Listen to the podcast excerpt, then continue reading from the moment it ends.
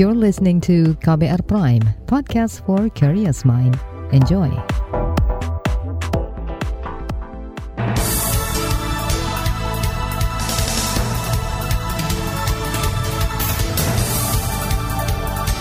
Selamat pagi saudara, kembali kami menyapa Anda dengan sejumlah informasi pilihan pagi hari ini di Buletin Pagi. Saya Eka Juli. Dan saya Friska Kalia. Kami sudah menyiapkan sejumlah informasi terkini, di antaranya urusi ranah privasi RUU Ketahanan Keluarga tuai polemik. WNI positif corona di kapal pesiar Diamond Princess bertambah. Kepolisian telusuri peredaran senjata api ilegal di Jayapura. Inilah selengkapnya buletin pagi KBR. Terbaru di buletin pagi.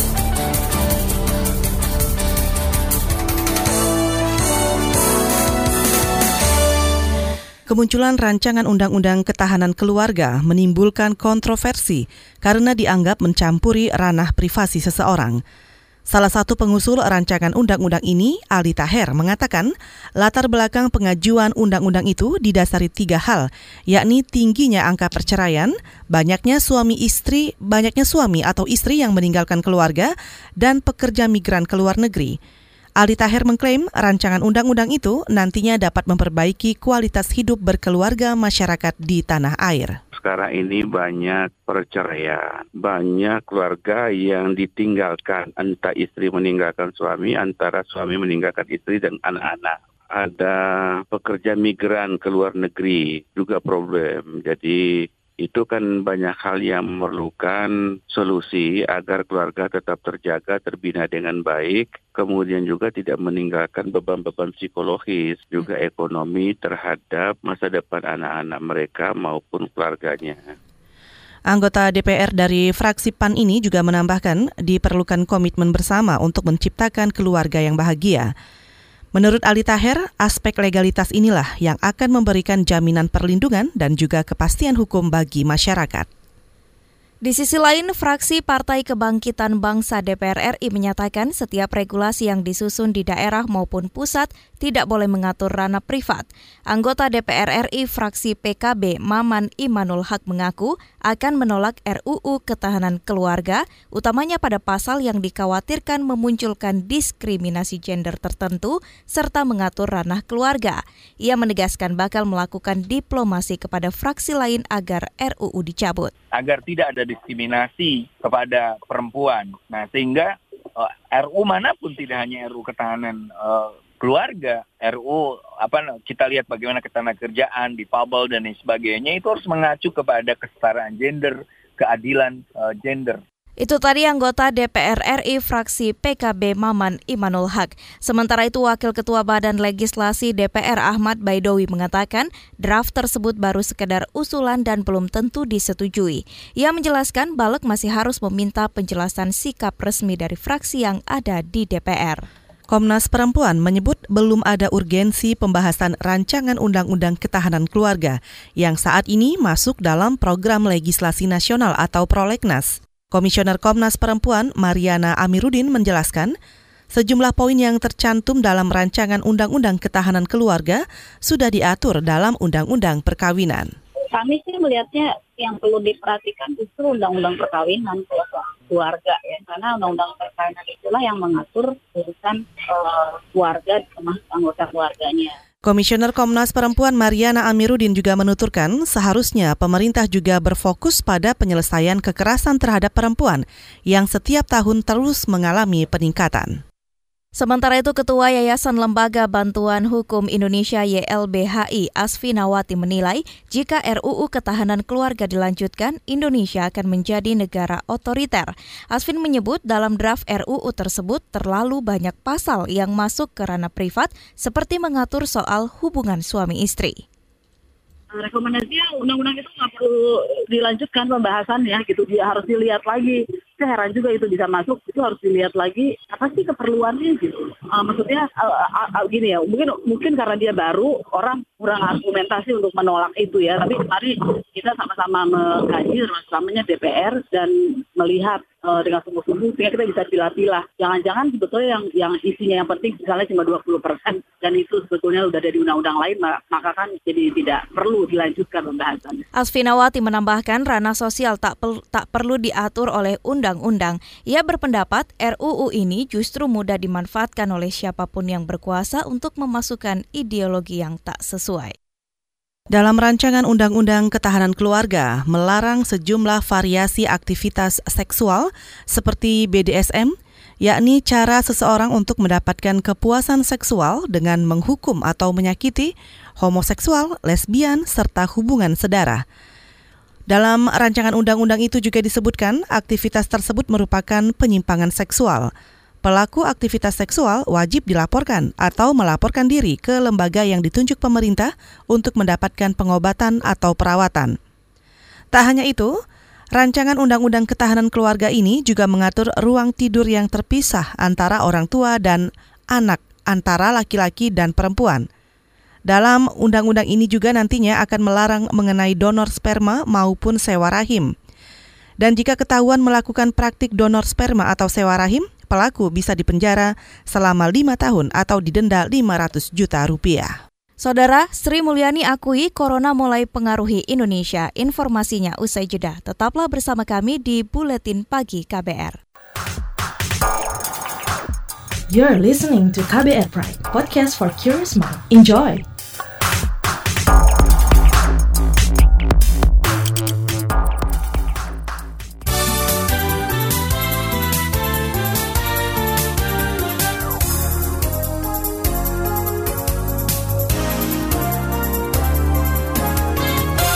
Anda sedang mendengarkan Buletin Pagi KBR. Siaran KBR mengudara melalui lebih dari 500 radio jaringan di Nusantara. Anda juga bisa mendengarkan berita dan podcast kami di kbrprime.id. Saudara Menteri Keuangan Sri Mulyani mengakui virus corona Wuhan mulai mempengaruhi Indonesia. Menurutnya, virus ini mulai berdampak pada perekonomian nasional mulai bulan Januari 2020.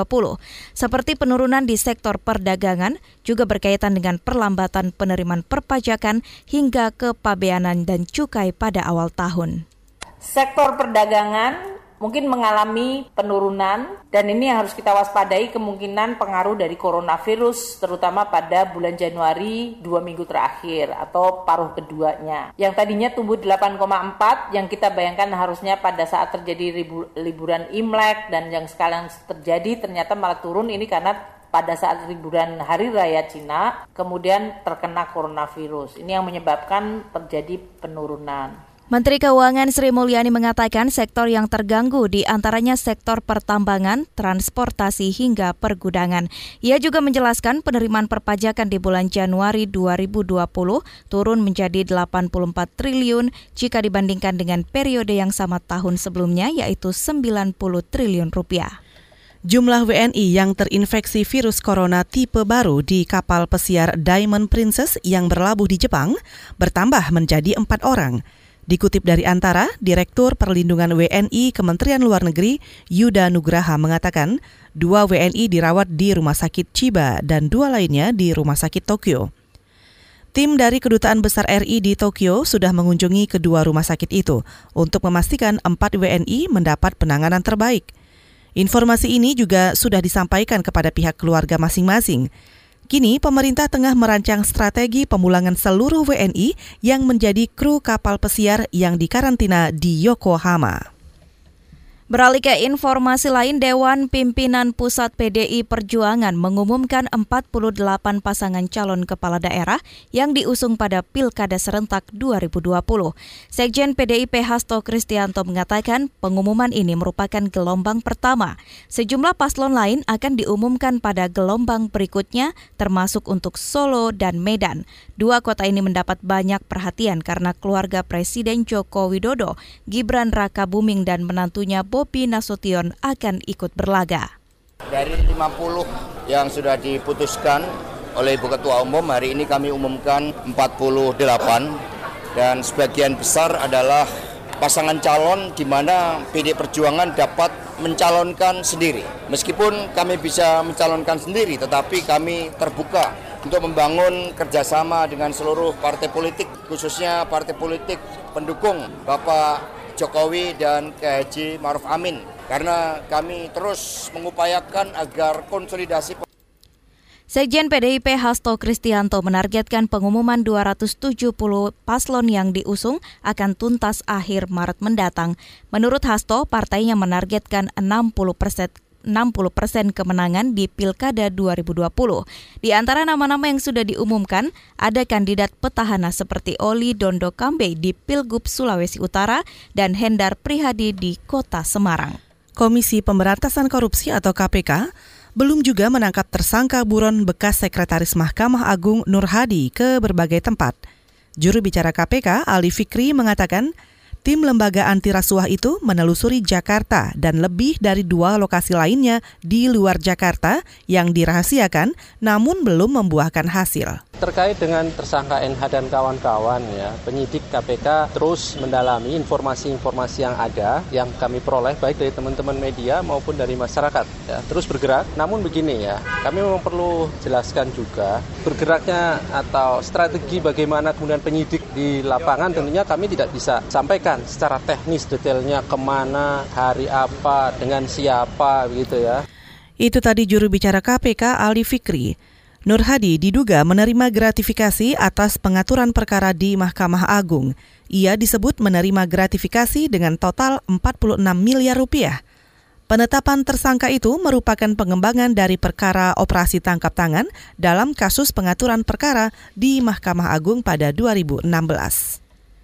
Beralih informasi ekonomi, Asosiasi Gula Indonesia AGI menyebut belum turunnya instruksi impor dan terbatasnya stok di dalam negeri merupakan faktor utama harga gula naik. Menurut Direktur Eksekutif AGI Budi Hidayat, ketidaktahuan penjual soal besaran stok gula yang ada saat ini di pabrik dan pedagang pasar memicu kenaikan harga di pasaran. Pantauan harga tertinggi gula di Indonesia saat ini mencapai Rp16.000 per kilogram izin impornya baru keluar satu dua dua sisanya belum lah mungkin ini yang terbaca di pasar pikir stoknya kurang gitu sehingga cenderung naik meskipun kalau dilihat mungkin ya di, di beberapa tempat saja dan di pasar-pasar tradisional lah. Kalau stok sih untuk sampai dengan uh, Februari masih ada lah untuk kebutuhan 250 ribu ton uh, per bulan kira-kira ya. Tapi yang perlu dilihat waktu itu kan ada yang di pabrik gula, ada yang di pedagang. Nah ini Menteri Perdagangan biasanya yang tahu. Ini yang biasanya bisa memicu naik turunnya harga itu. Budi Hidayat mengungkapkan masa giling dan panen gula di dalam negeri baru akan berlangsung pada Mei mendatang atau setelah Hari Raya Idul Fitri. Atas kondisi ini, ia berharap pemerintah segera mempercepat realisasi izin impor gula yang telah disepakati dalam rapat koordinasi terbatas, yakni sejumlah hampir 500 ribu ton pada tahun ini. Kita ke informasi olahraga. Atlanta berhasil menaklukkan Valencia dengan skor telak 4-1 pada leg pertama babak 16 besar Liga Champions di Milan Rabu kemarin. Atlanta Atalanta berhasil memimpin 1-0 ketika pertandingan baru berjalan 16 menit. Gol Atalanta dipersembahkan oleh gelandang mereka Hans Hartbor 3 menit jelang babak pertama bubar Hosip Ilisis mengadakan keunggulan Atalanta dan Atalanta mampu mendapatkan dua gol tambahan di 20 menit pertama babak kedua. Valencia sempat membalas satu gol, namun skor 4-1 untuk Atalanta bertahan hingga akhir pertandingan. Selanjutnya, Aika Renata akan menemani kita berolahraga pagi. Sport. Laga final Piala Gubernur Jatim yang mempertemukan Persebaya Surabaya dan Persija Jakarta hari ini batal digelar di Stadion Gelora Bung Tomo GBT Surabaya. Sesuai hasil rapat koordinasi, laga itu dipindah ke Stadion Gelora Delta Sidoarjo. Sekretaris Asosiasi Provinsi PSSI Jatim Amir Burhanuddin menyatakan, pemindahan ini karena Stadion Gelora Bung Tomo GBT Surabaya masih dalam perbaikan. Dalam laga final ini, Amir juga mengimbau menjaga ketertiban serta tidak mengulangi adanya kericuhan seperti laga semifinal. Kericuhan dikarenakan pendukung Persebaya yang tidak mendapatkan tiket. KBR Sport. Organisasi Kesehatan Dunia WHO mendukung Komite Olimpiade Internasional IOC untuk menggelar Olimpiade 2020 di Tokyo sesuai jadwal 24 Juli hingga 9 Agustus 2020. Menurut WHO, Komite Olahraga tidak perlu membatalkan, menunda atau memindahkan Olimpiade 2020 di Tokyo karena wabah virus novel corona. Kepala Komisi Koordinasi Proyek Peninjauan Olimpiade 2020, John Coates, menyebut koordinasi antara gugus tugas Olimpiade 2020 dengan pemerintah Jepang dan pemerintah kota Tokyo berjalan baik. Selanjutnya liputan khas KBR Saga tentang upaya kelompok minoritas seksual di Jember menangkal HIV AIDS kami hadirkan sesaat lagi tetaplah di Buletin Pagi. You're listening to KBR Pride, podcast for curious mind. Enjoy!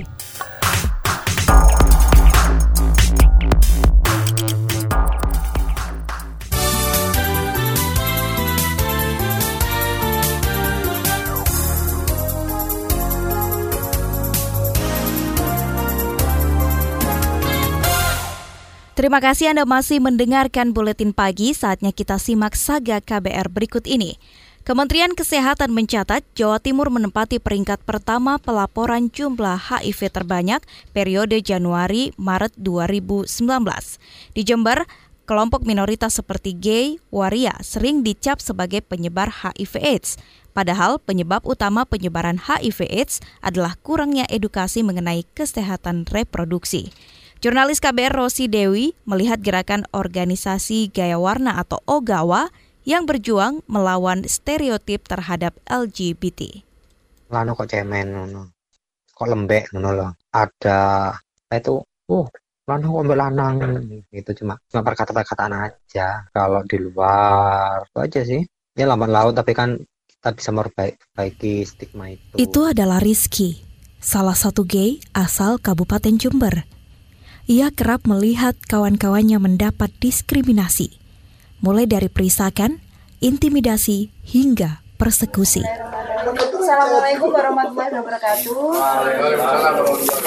Kita di sini Ogawa. Ogawa itu organisasi gaya warna. Kita fokusnya ke penanggulangan HIV AIDS lebih fokus Kelompok minoritas seksual di Jember kerap dituding sebagai penyebar HIV AIDS. Padahal data dari Dinas Kesehatan menyebut 87 persen penularan HIV AIDS dilakukan oleh heteroseksual yang kerap bergonta-ganti pasangan. Pelaksana tugas Kepala Dinas Kesehatan Kabupaten Jember, Dia Kusworini. Bagian besar 25,72 persen itu sebagai ibu rumah tangga. Nanti bisa dilihat riwayat sebelumnya apa. Nah ini kan kita bisa melihat faktor risiko. Iya. Jadi di sini kalau dari faktor risiko mm -hmm. itu yang paling banyak heteroseksual, gonta-ganti pasangan. Ya. ya. Itu 87,58 persen mengaku mm-hmm. ganti pasangan. Perilakunya ya berarti. Iya. Organisasi Gaya Warna atau Ogawa melakukan berbagai usaha untuk menghapus stigma itu. Gembos, Ketua Ogawa mengaku rutin menggelar sosialisasi soal bahaya infeksi menular seksual hingga HIV AIDS di 31 kecamatan di Jember. Waktu 2009-an itu ibaratnya kalau katanya orang-orang dinas kesehatan tuh tentang penyakit HIV AIDS ini masih seperti fenomena gunung es. Jadi seakan-akan itu sedikit di di masyarakat. Padahal banyak kalau kita mau nemukan karena karena Ogawa sendiri bekerja di lapangan kita membantu program kerja dari dinas kesehatan. Kalau dulu ada KPA namanya Komisi Penanggulangan Edukasi mengenai kesehatan reproduksi terkadang masih tabu di masyarakat. Padahal kedua hal tersebut menjadi kunci pencegahan IMS pernikahan dini bahkan menghapus stigma terhadap LGBT Mei Transpuan pengurus Ogawa mengatakan edukasi seks justru sangat penting untuk mencegah penularan di situ mereka juga yang memberikan arahan bahwa HIV itu menularnya juga bukan karena hubungan sama jenis gitu banyak faktor gitu. Kalau kita melakukan hubungan seks itu dengan aman juga ya sebenarnya resiko tertular penyakit HIV itu kecil sekali kalau kita. Sering pakai kondom lah apa. Ya syukur-syukur kalau kita nggak sering berpegang pasangan. Ya yang paling penting itu adalah edukasi Kata Meme, setiap Ogawa mengadakan sosialisasi dan pemeriksaan ke berbagai kecamatan, respon masyarakat cukup baik. Tak ada sentimen dan stigma yang dilekatkan pada mereka. Sentimen justru dimunculkan oleh organisasi masyarakat berbasis agama.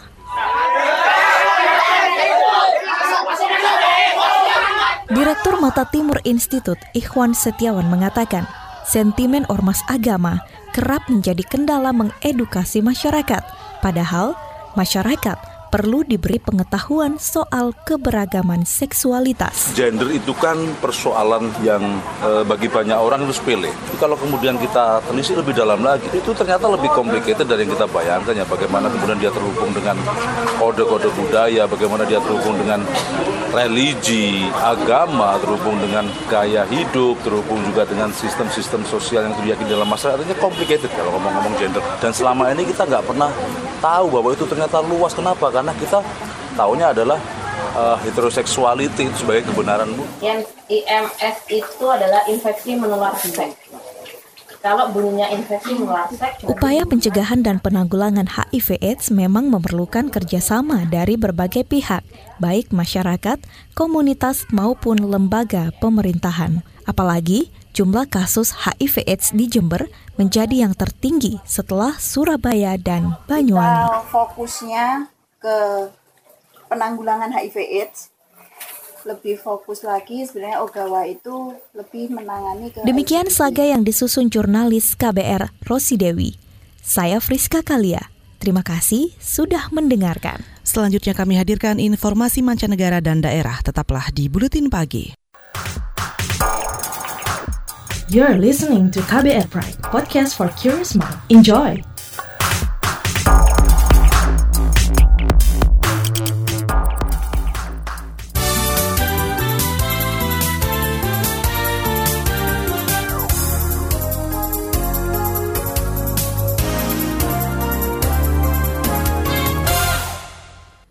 Anda masih mendengarkan buletin pagi KBR dan kita ke bagian akhir, kita ke mancanegara. Beberapa kota di Tiongkok menyatakan kekurangan persediaan darah sebab calon pendonor tidak bisa meninggalkan rumah mereka atau melakukan perjalanan antar kota setelah otoritas setempat memperlakukan pembatasan untuk mencegah penularan virus.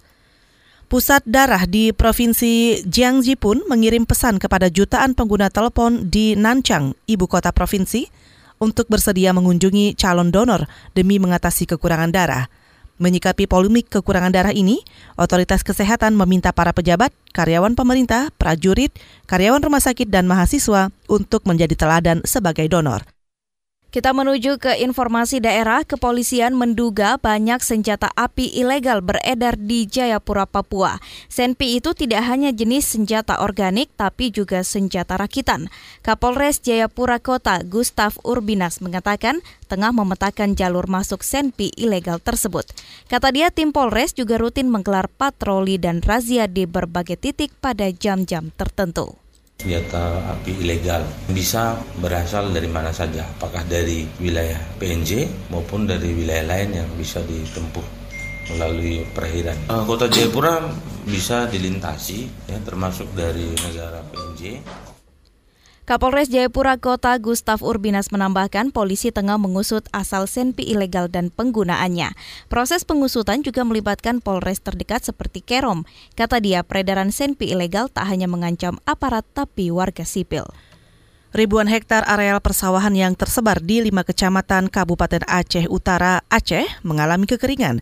Kepala Dinas Pertanian Tanaman Pangan Aceh Utara, Mukhtar, mengatakan kekeringan ini disebabkan tidak adanya sumber air yang dialirkan, sementara lahan yang mengalami kekeringan merupakan sawah tadah hujan. Kita mau melakukan uh, bantuan pompanisasi tidak ada sumber airnya. Itu kan terjadi kusuk. Dan yang perlu kita sampaikan kepada masyarakat, hmm. yang tanah tadah hujan itu jangan turun ke sawah bukan pada waktunya. Kepala Dinas Pertanian Tanaman Pangan Aceh Utara, Mukhtar, menambahkan, Akibat kekeringan ini banyak tanaman padi yang mati dan tidak bisa dipanen. Ia mengaku telah mengirimkan tim penyuluh untuk mengubah pola tanam petani dalam menghadapi musim kemarau.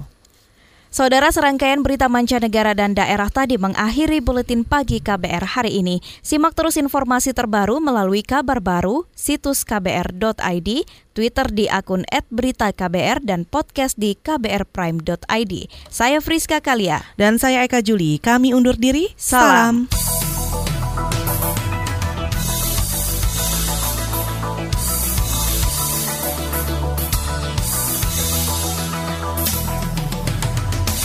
KBR Prime, cara asik mendengar berita. KBR Prime, podcast for curious mind.